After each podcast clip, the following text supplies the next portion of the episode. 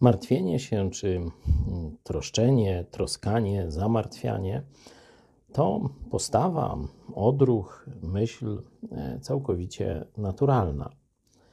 E, nie mamy znajomości przyszłości, jest wiele czynników, e, które nas przerastają, jest wiele rzeczy, które nam grożą, i tak dalej, i tak dalej.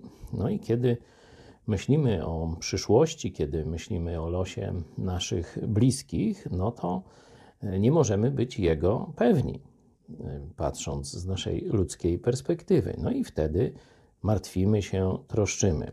Także powtarzam, jest to postawa całkowicie zrozumiała i nawet w pewnym sensie rozsądna, bo rzeczywiście czyha na nas wiele niebezpieczeństw, e, wiele złych rzeczy ludziom, czy nam też się przydarzyło w przeszłości, przydarza się różnym ludziom. Słyszymy o tym, różne wieści e, w wiadomościach, czy gdzieś czytamy w internecie. Takie i takie rzeczy smutne się stały komuś, stąd no i nam przychodzą do głowy, że te scenariusze się zrealizują na nas lub na naszych bliskich. No i Pismo Święte też zajmuje się tym tematem. Wie, że nawet chrześcijanie, czyli ludzie, którzy już są zbawieni, też miewają dość często właśnie takie fazy martwienia się czy e, troskania.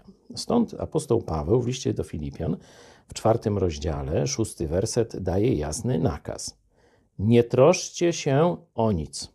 No zobaczcie, to nie jest tam że może się nie troszcie, czy tam za często się nie troszcie, tylko tu jest taki twardy nakaz i jeszcze do tego o nic. Nie troszcie się o nic.